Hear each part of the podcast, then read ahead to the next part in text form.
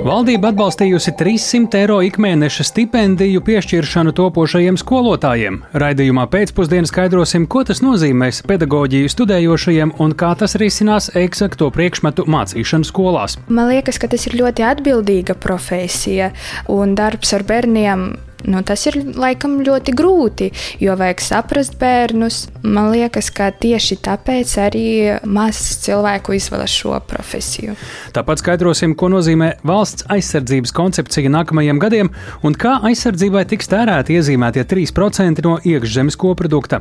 Bet sportā, gaidot rītdienas lielo basketbolu, nepiemirsīsim arī par tenisistes Ostapenko gaidāmo ceturdaļu finālu Ņujorkā. Radījumā pēcpusdienā viņas izredzes analizēsim kopā ar bijušo bijušo izlases spēlētāju un tenisa treneri.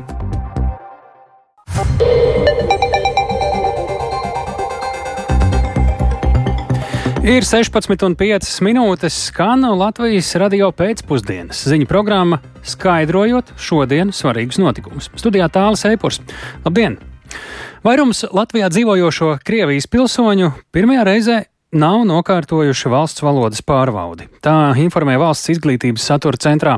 Kopumā līdz šim eksāmenu kārtojuši vairāk nekā 11 tūkstoši cilvēku, no tiem veiksmīga pārbauda bijusi 39%.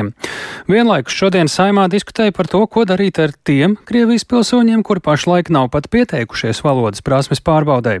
Vairāk šim tematam šodien sekoja līdzi kolēģi Paula Dēvica. Viņa arī pievienojas mums šeit studijā. Sveika, Paula! Pastāstīja vairāk par to, kā Krievijas pilsoņiem tad līdz šim ir veicies tieši ar valodas pārbaudēm. Sveiks, tāli! Labdien, Latvijas radio klausītāji!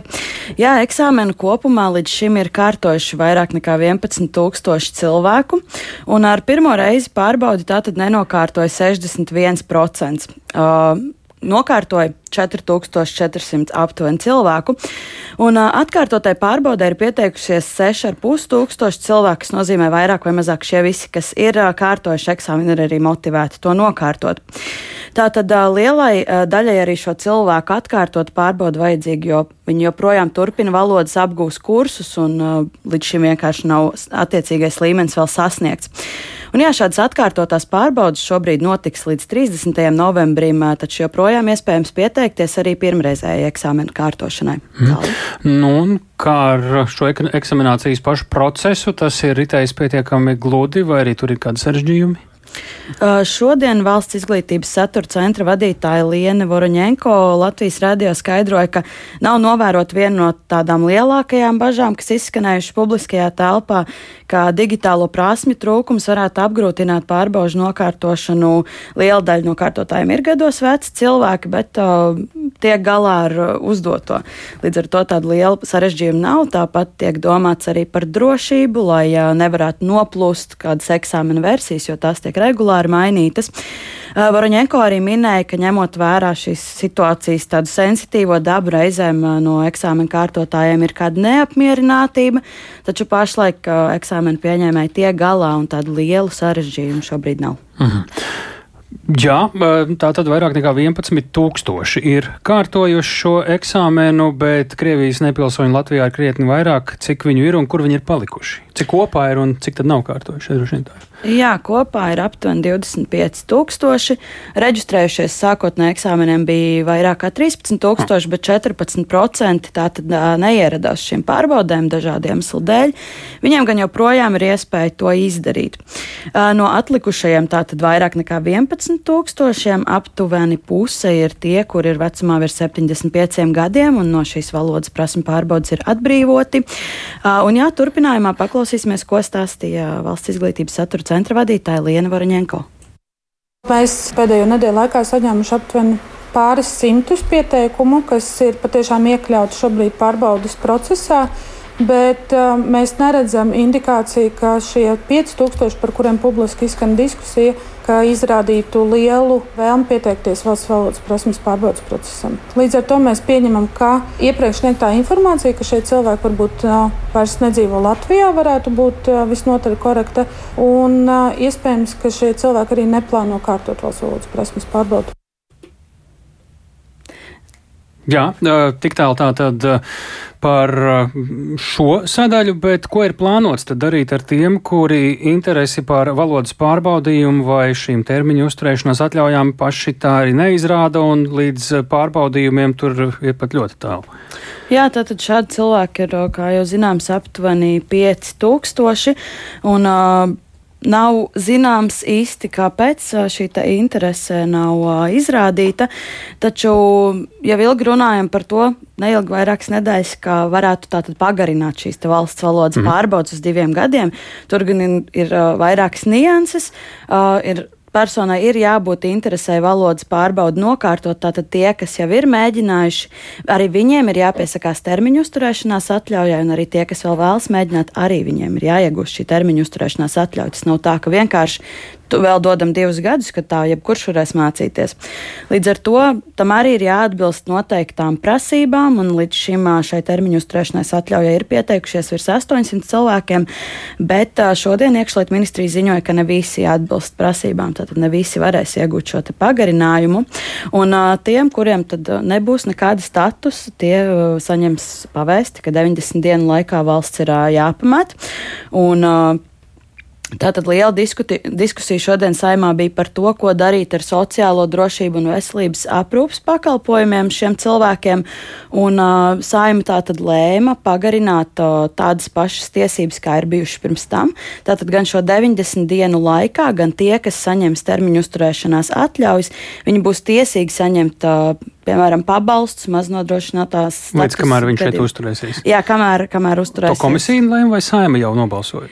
Par to komisija Šobrīd šodien pagaidām. ir mhm. vienojusies, jā, jā. un uh, saima par to vēl runās uh, ceturtdien, kad pirmajā lasījumā skatīs šo te, šos te priekšlikums likuma projektu, un galīgais lēmums varētu tikt pieņemts nākamā ceturtdien, 14. septembrī. Bet tā jāsaka arī valdības veidošanas uh, sarunas varētu mazliet atlikt šos. 14. septembris ir iespējamais datums, kad būs krīze krietni lielāka skaidrība, kā tad Latvijas valsts ar Krievijas pilsoņiem veidos attiecības eh, turpmāk. Sakām paldies Paulai Dēvicai. Mēs eh, turpinām eh, tematu. Jā, Ukraina jau 559. dienu aizstāvus Krievijas sāktajā pilna apmēra karā un izmaiņas valsts valodas politikā Latvijā netuvu nav Krievijas agresijas vienīgās sekas. Tā Latvijai agrāk nekā plānots ir likusi arī papildināt valsts aizsardzības koncepciju turpmākajam periodam līdz 2027. gadam. Latvija ir ieplānojusi palielināt bruņotos spēkus, un jau nākamgad arī ir sagaidāma NATO karavīru plašāka klātbūtne Latvijā. Tāpat jau nākamgad aizsardzības budžetu Latvija plāno palielināt līdz 3% no iekšzemes koprodukta. Valdība šādus plānus apstiprināja bez diskusijām un virzīja izvērtēšanai saimā un par papildināto aizsardzības koncepciju un tajā iekļautajiem pasākumiem plašāk Jāņa Kīņša ierakstā. Valsts aizsardzības koncepcijā pamats un mugurkauls ir Latvijas karavīrs, zemesargs un Latvijas sabiedrība. Tā uzsver Nacionālo bruņoto spēku komandieris Leonīts Kalniņš. Starptautiskā situācija likusi ātrāk pārskatīt valsts militāro spēju celšanu un visaptverošu valsts aizsardzību. Valsts iekšējā un ārējā drošība ir prioritāšu lokā gan demisionējušajai, gan arī topošajai valdībai. Nacionālajie bruņotie spēki turpmāko gadu laikā cer mazināt vakances profesionālajā dienestā un audzēt rezervistu rindas ar valsts valsts aizsardzības dienestu un zemesardzes palīdzību, stāsta NBS komandieris Leonīts Kalniņš. Piemēram, valsts aizsardzības dienesta ieviešana. Tas nozīmē, ka daudz lielākā mērā Latvijas sabiedrība tiks iesaistīta mūsu militāro spēju veicināšanā. Turpinās tādu specifisku jautājumu atzīmēšana, kas ir saistīts ar mūsu kauspēju nodrošināšanu, iegādājoties un izveidojot absolūti nepieciešamās tādas smagas aizsardzības spējas kā pretgaisa aizsardzība palīdzība. Mēs esam mācījušies arī gan no kara darbības Ukrajinā, gan arī no iepriekšējiem konfliktiem, kas ir saistīts ar um, augsto tehnoloģiju pielietošanu, kas īstenībā iespaido visas operācijas. Valsts aizsardzības dienestā nākamajā gadā divos iesaukumos plānots rekrutēt 850 jauniešu. Pašlaik ir pamats pārliecībai, ka nākamā gada sākumā, tāpat kā šogad pirmajā iesaukumā, aizsardzības dienestā stāšoties brīvprātīgie, atklāja aizsardzības ministre Ināra Mūrniece no Nacionālās apvienības. Koncepcija paredz NBS spēju stiprināšanu un arī turpmākas regulāras mācības, kā arī Latvijā izvietoto NATO kaujas grupu palielināšanu un kopīgu fokusu uz NATO pretgaisa aizsardzības spēju stiprināšanu. Kanāda nākamgad Latvijā dubultošot karavīru skaitu līdz 2200. Sagaidām arī Itālijas un Dānijas karavīru papildu spēki. Koncepcijā iekļaut arī būtiska vietējās industrijas iesaisti armijas apgādē turpmākajos gados. Valdība jau nākamnedēļ varētu lemt par jaunas kapitāla sabiedrības veidošanu militārās industrijas vajadzību apmierināšanai, lai ar laiku izvērstu pilna cikla militārā aprīkojuma, tajā skaitā bruņu transportieru ražošanu Latvijā. Galveno motivāciju neatslāpt arī nākamās valdības laikā atgādina Ināra Mūrniece. NATO skaidri pateica, ka Krievija ir NATO būtiskākais un tiešākais drauds. Un Viļņas samita lēmumi šo ļoti skaidro valodu nostiprināja, jau veidojot arī tālāk atbildi uz šiem draudiem. Ja Krievija karā Ukrainā netiks pilnībā sakauta, tad 3 līdz 5 gadu laikā tā var atgūt savu militāro spēku. Un tad mēs saprotam, ka Krievija savas ambīcijas par ietekmes sfēru paplašināšanu turpinās arī tālāk. Atbilstoši aizsardzības ministrijas aplēsēm, ar papildu plāniem jau nākamgad aizsardzībai novirzīs 3% no iekšzemes koprodukta, vairāk nekā daudzās citās NATO valstīs. Tas ietver arī plānu Latvijas austrumu robežas stiprināšanā līdztekus žoga izbūvē, izmantot pretanku mīnas un citus papildu šķēršļus.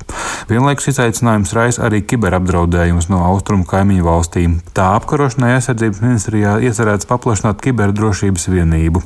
Šonadēļ Krievijas hakeriem izdevies piekļūt diviem publiskiem valsts pārvaldes e-pastiem un to saturam, taču nekāda klasificēta informācija tādējādi nesot apdraudēta. Pēdējā pusotra gada laikā pieredzēto kiberuzbrukumu vilni izdevies atsist visai veiksmīgi, vērtē aizsardzības ministrijas valsts sekretārs Jānis Garisons. No pagājušā gada februāra Latvija ir piedzīvojusi viens no lielākajiem kiberuzbrukumiem kopumā Baltijas valstīs, nemaz nerunājot par Eiropu. Mēs faktiski esam redzējuši to, ka ir, ir bijuši ļoti maz veiksmīgi kiberuzbrukumi. Tādēļ man liekas, tas ir lielākais rādītājs mūsu kiberdrošības sistēmai. Valdības sēdē valsts aizsardzības koncepcijas apspriešana aprobežojās vien ar ministra ziņojumu, taču saimā par to viņi cer sagaidīt plašāku diskusiju un arī papildu priekšlikumus. Jānis Kincis, Latvijas Radio. Tik tālu par Latvijas plāniem, Latvijas aizsardzības koncepciju, un mēs turpinām raidījumu pēcpusdienu. Ukrainā atkal publiskos koruptīvos noziegumos iesaistītos vārdus. Nacionālā korupcijas novēršanas jautājuma aģentūra ir atjaunojusi publisku pieeju attiecīgajam valsts reģistram. Tas ir vēl viens solis Ukrainas cīņā pret korupciju. Vairāk par to ir gatava pastāstīt Latvijas radio korespondenta Ukrainā Indras Prānce. Ar viņu esam sazinājušies tiešraidē. Labdien, Indra! Kāpēc pieeja korumpēto personu sarakstam bija liekta un kāpēc tā atkal ir atjaunota un ko tad šajā sarakstā var redzēt? Labdien! Jā, pagājušā gadā, sākoties Krievijas vispārējiem iebrukumam Ukrainā drošības apsvērumu pēc, tika likvidēta publiska pieeja vairākiem būtiskiem valsts reģistriem, tajā skaitā arī tā dēvētajai korumpantu datu bāzē. Tas ir valsts uzturēts reģistrs, kurā apkopot informāciju par fiziskām un juridiskām personām, kuras ir bijušas iesaistītas koruptīvos noziegumos. Savukārt šonedēļ par reģistru uzturēšanu atbildīgā korupcijas novēršanas jautājuma aģentūra atkal ir atjaunojusi publiski pieeja šai datu bāzē, un es arī šodien to apskatīju. Šajā reģistrā šobrīd atrodam vairāk nekā 46 tūkstoši ieraksti, tajā skaitā vairāk nekā 15 tūkstoši kur uh, cilvēki vai firmas uh, figurē saistībā ar kriminālu procesiem, bet vēl vairāk nekā 29 tūkstoši ieraksti ir saistībā ar administratīvā pārkāpuma lietām. Un uh, reģistrā ik viens interesants var saņemt gan izziņu par to, vai viņa vārds tur ir vai nav atrodams, gan arī šie publiskie dati var palīdzēt daudzām valsts un pašvaldību institūcijām, pieņemot darbā cilvēkus, tas var palīdzēt būt informētiem par viņu pagātni, vai arī, piemēram, rūpīgāk vērtēt iepirkumos startējošos komersantus, ja viņi nosauc nosaukumu parādās šajā reģistrā. Un kā vakar norādīja korupcijas novēršanas jautājuma aģentūras vadītājs Aleksandrs Novikovs, šīs datu bāzes atvēršana publiskai lietošanai liecina, ka iespējams ir atjaunot arī amatpersonu deklarāciju reģistra datu bāzi.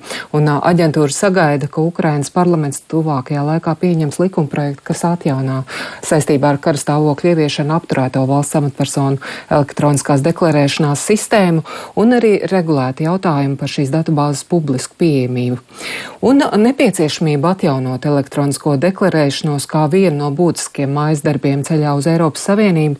Šajās dienās aktualizējas arī Ukrainas prezidents Volodimirs Zelenskis. Paklausīsimies fragment no viņa sacītām.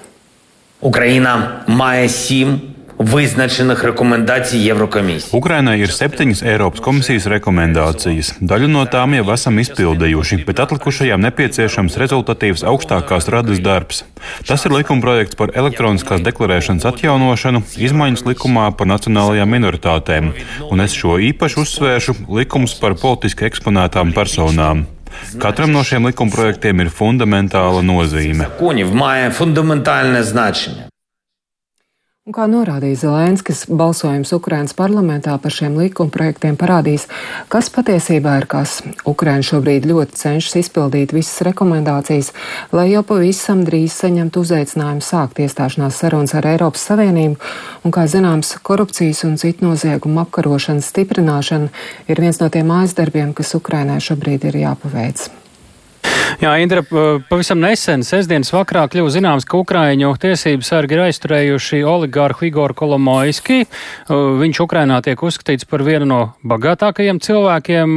Par ko liecina viņa aizturēšana? Tas ir tā kā mājiens, ka tiesības sargi strādā efektīvāk, vai te vairāk pēc tā kaut kādas paraugu prāvas izskatās, vai ir vēl cita atbilde? Ļoti sarežģīti šobrīd izskatās. Kolomoiska aizturēšana noteikti ir Ukrainai ļoti nozīmīgs process. Latvijas iedzīvotājiem to tēlēni varētu salīdzināt kaut kur mazliet ar Lemberga aizturēšanu 2008. gadā. Kolomoiska vārds, vārds figurējas dažādās krimināllietās, bet Pirmo reizi viņš ir tik tālu.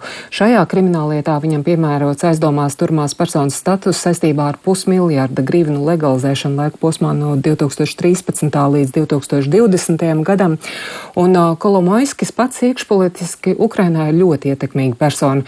Viņam piedarošais mēdījis viens plus viens, piemēram, pirms vairākiem gadiem spēlēja būtisku lomu šobrīd prezidenta amatā esošā Volodimira Zelenska atpazīstamības veicināšanā tieši šī mēdīja izveidotajā seriālā tautas kalps, komiķis Zelenskis spēlēja prezidentu un vēlāk kritiķi jauno politiķi Zelenski pat dēvējuši par Kolomoiska marioneti. Pēcāk gan bija vērojama Zelenska atsvešināšanās no Kolomoiska un, un 2021. gadā Zelenskis arī atbalstīja ASV sankcijas pret Kolomoisku un viņa sabiedrotiem. Turklāt interesanti, ka Kolomoiska aizturēšana tagad veica Ukrainas drošības dienas, kas ir tieši prezidenta Zelenska pakļautībā. Un sestdienas vakarā, kad Kolomoiska aizturēja Zelenskis savā ikvakar runā pauda paldies ties, tiesības sargiem un norādīja, ka dzīve Ukrainā nebūs kā parasti tiem, kas aplaupīja Ukrainu un izvirzīja sev augstāk par likumu. Tiesa, publiskajā telpā izskan arī minējumi, vai Kolomaiska aizturēšana nav tikai tāda prezidenta pāraudzītā drošības dienesta PR akcija. Dažas dienas pirms vietējā pretkorupcijas biroja plānotajiem pasākumiem pret Kolomaiski, tādējādi nozogot visus laurus, tāpat ir jāņem vērā, ka visas šīs aktivitātes, protams, notiek periodā, kad Ukraina ļoti cenšas parādīt savu gatavību sākt sarunas ar Eiropas Savienību. Bet, nu, protams, par tiesiskumu valstī īsti nevar spriest tikai pēc ierosinātajām lietām. Par pārkāpumiem ir jāsņem reāli sodi, un šai jomā Ukrainā vēl ir ļoti daudz darāmā. Paldies Indrai Sprāncei! Korupcija noteikti būs temats, par kuru gan Indra, gan daudz citi no Ukrainas ziņos, un tā ir joprojām liela rūpe. Bet 300 eiro stipendijas jau sākot ar šo mācību gadu valdība lēmus piešķirt eh, noteiktus profesijas un virzienus apgūstošajiem topošajiem skolotājiem, un arī kāda būs Dailas teātra 104. sezona šie temati raidījumā pēcpusdiena viena no dažiem, par ko turpmāk plašāk.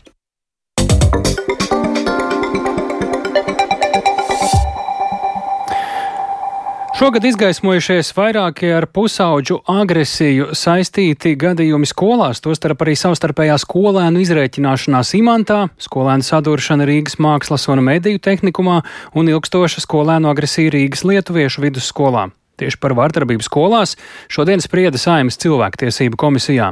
Vēl vasaras sākumā komisija iestādēm lika līdz septembrim izstrādāt vienotu pieeju un algoritmu, kā rīkoties, ja skolā ir vārdarbība. Īpašā darba grupā secināts, ka jāstiprina sadarbības starp institūcijām. Ko tas nozīmē? Komisijas sēdē līdzi sekoja Sintīna Ambote, kura arī ir gatava par to izstāstīt plašāk. Bērnu tiesību aizsardzības inspekcija bija tieši tā institūcija, kura, uh, kuras vadībā vasaras garumā notikušas darba grupas, lai veidot šo rīcības algoritmu.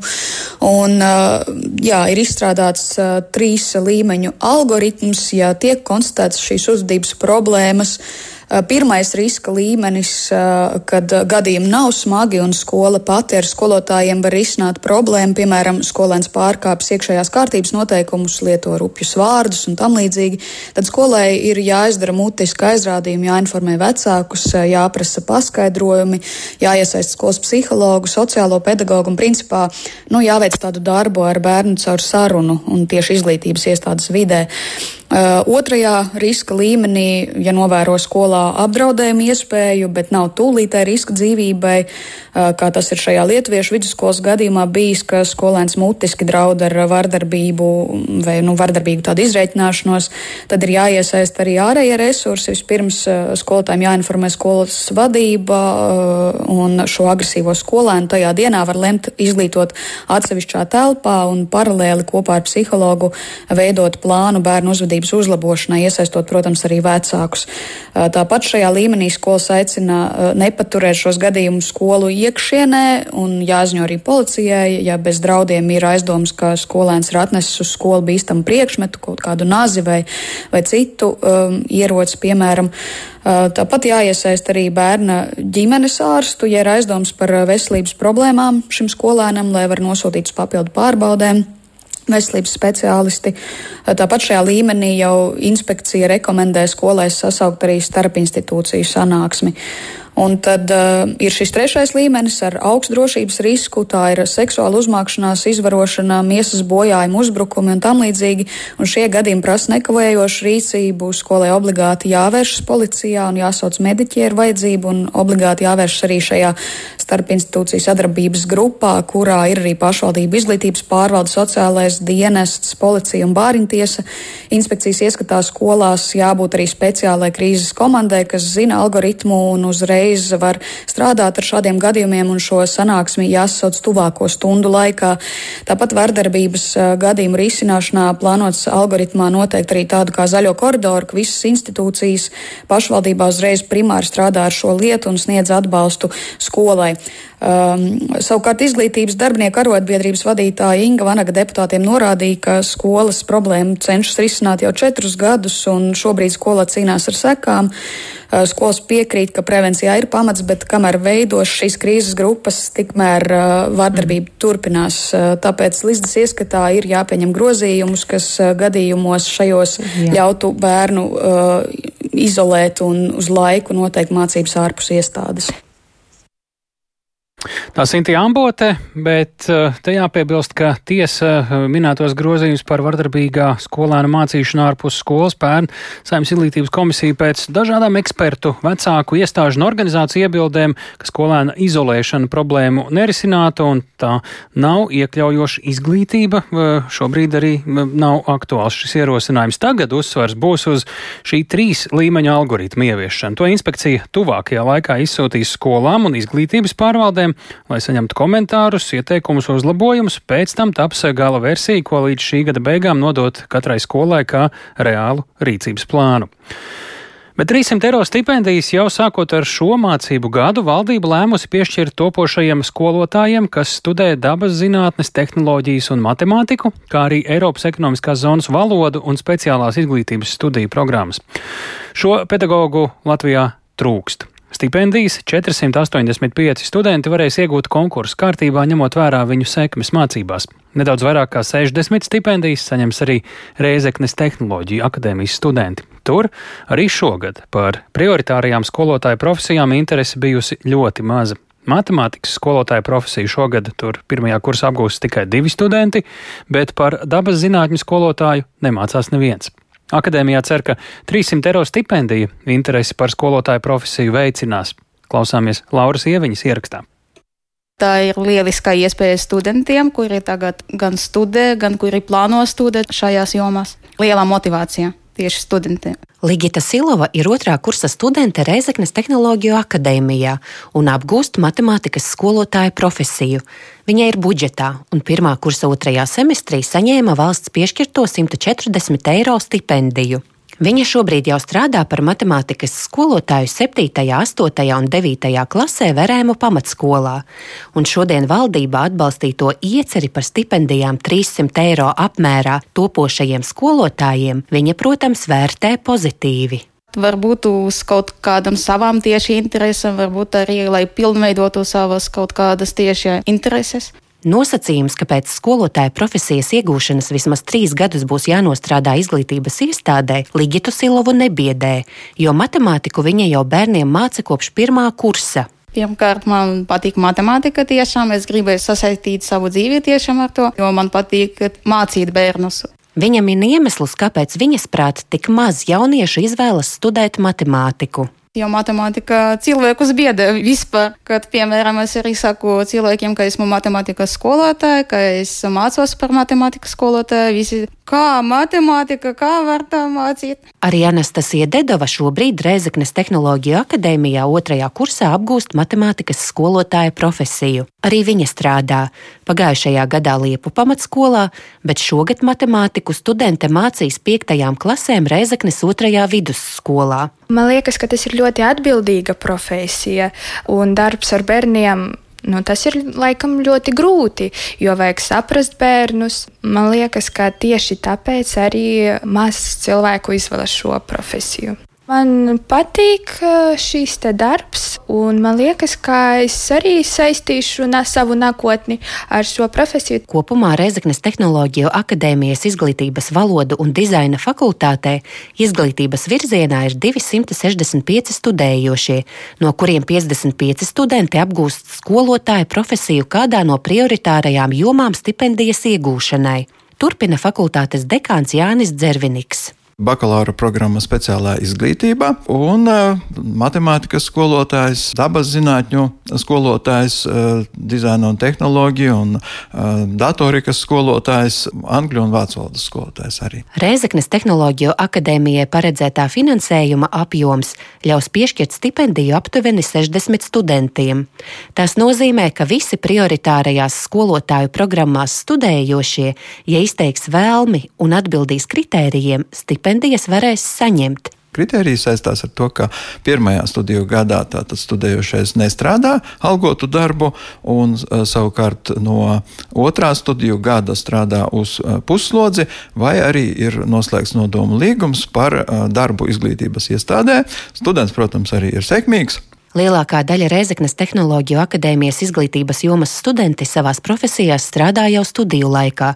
Tāpēc, kā norāda Jānis Dzerviniks, nosacījums pēc studiju pabeigšanas nostrādāt trīs gadus izglītības iestādē, stipendijai pieteikties viņus neatturēs. Regulāri gan mēs, gan studējošie arī saņem šo informāciju par vakantajām vietām, un izglītības iestādes ļoti aktīvi aicina strādāt. Šobrīd Reizeknas Tehnoloģiju akadēmijas studiju virzienā izglītība, pedagoģija un sports visas budžeta vietas esot aizpildītas. Protams, lielākā interese pieprasījums bija par programmām pirmskolas skolotājs, speciālās izglītības skolotājs un sākuma izglītības skolotājs. Daudz mazāk studēt gribētāju bijis valodu STEM, jeb dabas zinātņu, tehnoloģiju un matemātikas programmās. Katrā apakšprogrammā esot bijuši tikai daži interesanti. Reizeknes Tehnoloģiju akadēmijā cer, jaunā šodien valdība atbalstītā stipendija varētu veicināt interesi apgūt skolotāju profesiju jomās, kurās pašlaik valstī pedagoģu trūkst. Laura Ieviņa, Latvijas Rādio studija Latgalē.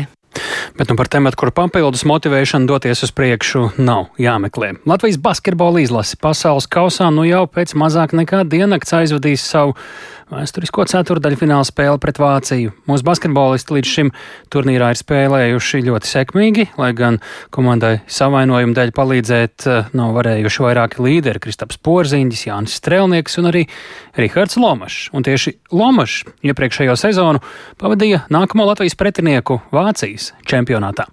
Par Latvijas komandas veiksmīgo līdzšinējo spēli un to, ko varam likt pretī spēcīgajai Vācijai, Rihārdu Lomažu programmā Labrīt iztaujāja Latvijas radio basketbola studijas vadītājs Andrejs Siliņš un lūk fragments no sarunas. Pāraksturo varbūt to, kādas bija tavas emocijas pēc tās Brazīlijas spēles var piezvanīt Omai, uzprasīt pie Omas un apskatīties to spēli. Un es iegāju dzīvoklī, un pirmais mans teikums bija, saku, vai nu mīnus 20, vai nu plus 20. Tā kā ir tikai divas opcijas, nav, nav cita opcija. Un nezinu, man kaut kā tāda sajūta bija. Un uh, tā spēles gaitā es jau opim teicu, es saku, op, mēs varam iet jau uz dārza. Bija kaut kā trešā ceturdaļa, tur vēl jāspēlē sešas minūtes trešā ceturdaļā, bet es tā kā pēc tās spēles redzēju, nu, ka tur viss būs. Un es teicu viņam, tā kā ejam uz dārza, cepam šašķiku un svinam, un lai Omas skatās seriāls. Kas, tavuprāt, ir bijis tā izlases veiksmīgā snieguma pamatā? Lūk, bankīgi. Es gribētu teikt, tā mentalitāte, kāda ir tagad izlasē, un, un tas raksturs, kāds ir. Jo, nu, neskatoties ne uz ko tur, vai, vai tur ir traumas, vai tur nav traumas, vai tur ir tur kaut kādas problēmas, kaut kas tāds, tur nezinu, aizbrauc, tur pārlidojumi, cits klimats. Tur, nu, tā kā nevienam nekas netraucē, neinteresē. Visiem ego ir malā, un tā ir izlase, un viss ir tāds viens liels kulaks, un tas noteikti būtu tas galvenais, jo paskatoties citur, citām izlasēm ir kaut kāds superzvaigznes, kur ir tāpat pret Vāciju jāspēlē, kurš Roders šodien ir kaut kāds video noplūst, kā viņš tur lamājās, tā kā, un to nekad mūsu komandā to neredzēs. Un nejūtas arī pārāks par kādu, tā kā, jo mēs zinām, ka mēs spēlējam par Latviju, tā kā, un tā, es gribēju teikt, tas ir tas galvenais. Jāpiemina viennozīmīgi, ka tie ir fani, jo Tas ir gan arī tā kā arēnā spēlē. Liels procents no uzvaras tie, tie fani, kas dzen uz priekšu. Un es domāju, džekiem katru reizi ir skudriņas ieraugot to. Es biju dzirdējis, ka brauks cilvēki, bet to, to ko, kas, to, kas tagad darās tajā tribīnē, tas tiešām ir fantastiski. Malači, paldies jums, cilvēki, ka jūs braucat un atbalstat. Klau, mēs esam diezgan maz izmantojuši mūsu tādus klasiskos centrus šajā turnīrā. Vismaz pagaidām tur redz, ka mēs arī turpmāk turpinam tāpat. Vairs nav daudz palicis, trīs spēles.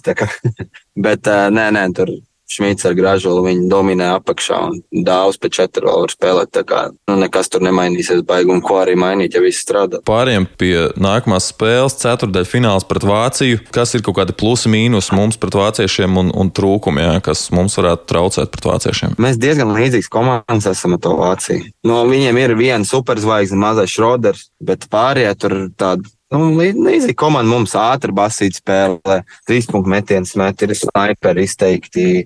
Un tad vēl es domāju, ka viņiem mums tas var nākt, vai es tā domāju, mums nu, varbūt nāk par labu, ka tas Wagners bija traumēts un tagad iespējams kaut kāds tur parādījis rumors, ka viņš varētu spēlēt. Es neticu, ka viņš būs labākajā ritmā un formā. Un te būs tiešām augsts klases basketbols un viss būs lielā ātrumā.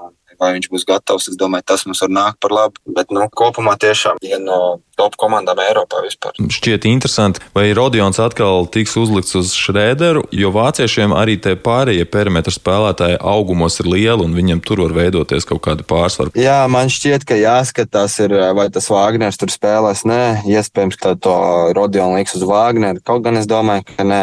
Nu, tur nav tik bīstami tas. Tā kā es tur domāju, ka Rodions būs uz, uz Šroderu, iespējams, kaut kādos brīžos uz to Vāgneru, jo tad, nu, tas laikam spēlē postā mazliet. Vēl jau mazais Gaisa Kuruts arī var eh, tikt piekomandēts kādam. Jā, tieši tā. tā kā, nu, mums ir tur sēdzēji, kas seks, un iespējams, jā, viņi sāks ar Arturu Kuruts, varbūt Radions sāks uz Wagneru, un Arturs Kuruts sāks uz Šroderu, varbūt arī Žagara liks uz Šroderu, bet kaut gan es domāju, ka nē, jo tad viņi pārāk daudz izmantos gan aizsardzībā, gan uzbrukumā, un viņš tur izbeigsies savādāk. Tad Tas bija Andrēs Siliņš sarunas fragments ar basketbolistu Rihārdu Lomažu. Pilnu interviju varat meklēt raidījumā piespēle Latvijas radio mobilajā lietotnē vai arī raidierakstu platformās. Bet kamēr basketbolistiem vēsturiskais ceturdaļfināls rīt, tikmēr jau šovakar Latvijas tenisa pirmā rakete Aļona Stapenko pirmo reizi spēlēs ASV atklātā tenisa čempionāta ceturdaļfinālā. Tajā viņa iekļuva sensacionāli pieveicot pasaules ranga līderi Polietīgu Šjonteku. Savukārt Ostapenko ceturdaļfinālā būs jāspēlē jāspēlē pret spēcīgo amerikānieti un pasaules sesto numuru Koko Gofu.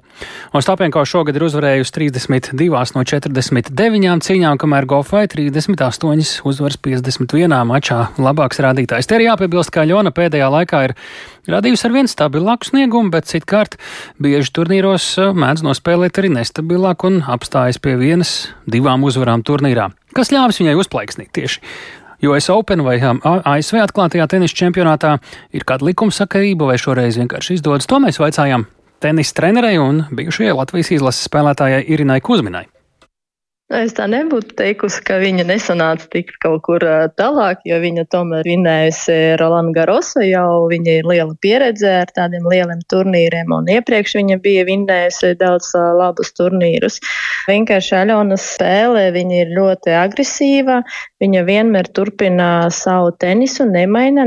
Domāju, ka viņai šajā brīdī ir ļoti laba fiziskā, psiholoģiska formā, un, un viņa dara to, kas viņai patīk. Aļona Aļona var uzvarēt jebko, ja viņa grib. Es domāju, ka tenisa jebkurš var jebkuru vinnēt, bet eh, jā, Aļona ir eh, garstāvokļa cilvēks, bet viņa vienmēr dara to, ko viņa ir spējīga, un viņa vienmēr mēģina savu labāku tenisu, ko viņa var uz to brīdi spēlēt.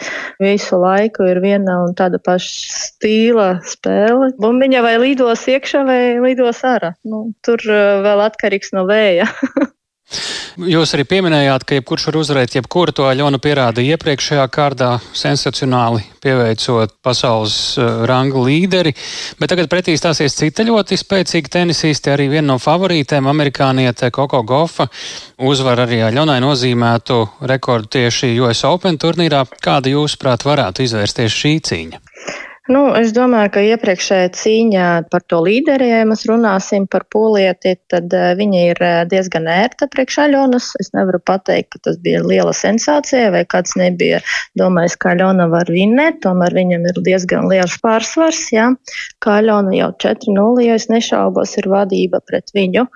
Par Koko es domāju, ka viņa būs vairāk nērta citi priekš Aļonas spēles, jā, tieši kā spēlētāji. Bet no savas pieredzes varu pateikt, ka es redzēju 2018. gada, kā spēlē Koko, kad es biju federācijas kausā ar 16 gadīgiem meitenēm, kur mūsu Latvijas meitene ir vinnējusi viņu trīs setus. Tāpēc es, protams, domāšu, ka Aļona arī varēs sasniegt labāku savu tenisu un vinnēt diezgan viegli un pārliecinoši. Cik liela nozīme var būt spēlēšanai pasaulē lielākajā tenisa kortā, tieši arī pret mainieci, kas nozīmē arī lielu skatītāju atbalstu? Tas palīdz, sadusmo, motivē vai kā viņai varētu būt šādos apstākļos? Nu, zinot Aļonu, es domāju, ka viņai tieši tas ir par roku, ka viņa var vinnēt, un tieši jo sliktāk tie apstākļi vai skatītāji vai kaut kāda motivācija iekšēji, viņai tās tikai uzmudrina, un viņa paliek vairāk koncentrēta tieši uz savu iekšēju spēku un var parādīt tieši labāku rezultātu. Aļona līdz šim eh, ir, kā jau jūs pieminējāt, uzvarējis gan Francijas atklātajā čempionātā, tikus pusfinālā Wimbledonā, ceturdaļfināls arī Austrālijā. Viņas karjerā Koko Gofa varbūt nav nevienu uzvaru izcīnījusi lielajos turnīros, bet tieši pēdējā laikā varbūt viņai tie sasniegumi ir bijuši augstāks pakāps. To arī rangs rāda. Kādas, kurai no viņām abām ir priekšrocības iepratīm otrai? Aļona jau bija uzvarējusi. Tas nozīmē, ka viņa ir pieredze spēlēt lielajos turnīrus finālus. Viņa jau ir izgājusi cauri tai psiholoģiskai ieteikmei, bet Koko viņa ir diezgan laba spēlētāja. Ar koncentrāciju viņi ir ļoti labi. Viss atkarīgs no viņas psiholoģiskā stāvokļa tieši kā viņa varēs sevi parādīt nozīmīgākajā momentā, jā, kur viņa var būt ļoti grībās tikt un uzvērēt, un dažreiz tas var traucēt tieši spēles laikā. Sitieni var būt ne tik agresīvi, saspringums liels, un tad dēļ tā vienkārši nevar parādīt savu labāku spēli. Bet Aļona viņai jau ir lielāka pieredze, un es domāju, ka viņai tas var palīdzēt. Tenisa eksperta Irina Kuzmina, bet Dailas teātris ar 11 jaunām izrādēm sāks 104. sezonu un ar plāniem iepazinās arī kolēģis Viktors Demīdovs. Sveiks, Viktor! Stāsti, ko varam gaidīt?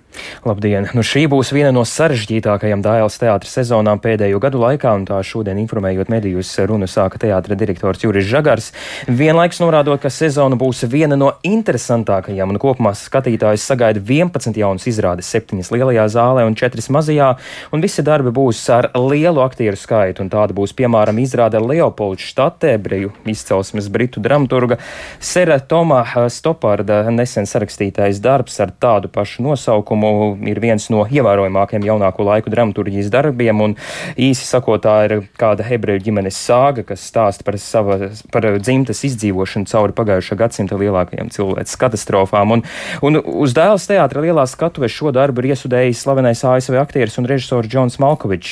Kāda ir sadarbība ar aktieriem, tad lūdzu paklausīsimies viņa teikt. Kopā ar kolēģu palīdzību mēs lomas sadalījām diezgan ātri. Man ir prieks strādāt ar šiem aktieriem, kuri saka, ka izdedzināja vienu manu aci. Varbūt tā arī ir neliela patiesība, bet es viņus uzskatu par fantastiskiem. Viņi ir ļoti labi apmācīti, nopietni. Pirms mēģinājumiem viņi ir ļoti sagatavojušies. Mums kopā ir jautri. Ir patiesi patīkami skatīties, kad viņi ir darbībā. Tālāk saka ASV un dēls teātris režisors Džons Malkovičs, un jāsaka, tā ir viena no spilgtākajām šī gaidāmā. Būs vēl citas. Būs vēl arī daudzas citas. Tālūk. Paldies Viktoram Damidovam. Šis bija ziņraidījums pēcpusdienā. To veidoja tēls Eipurs Kārs Dagilis, Renāšs Teimens, Mārtiņš Paeglis. Raidījumu klausieties arī rīt, kā katru darbienu pēc ziņām četros.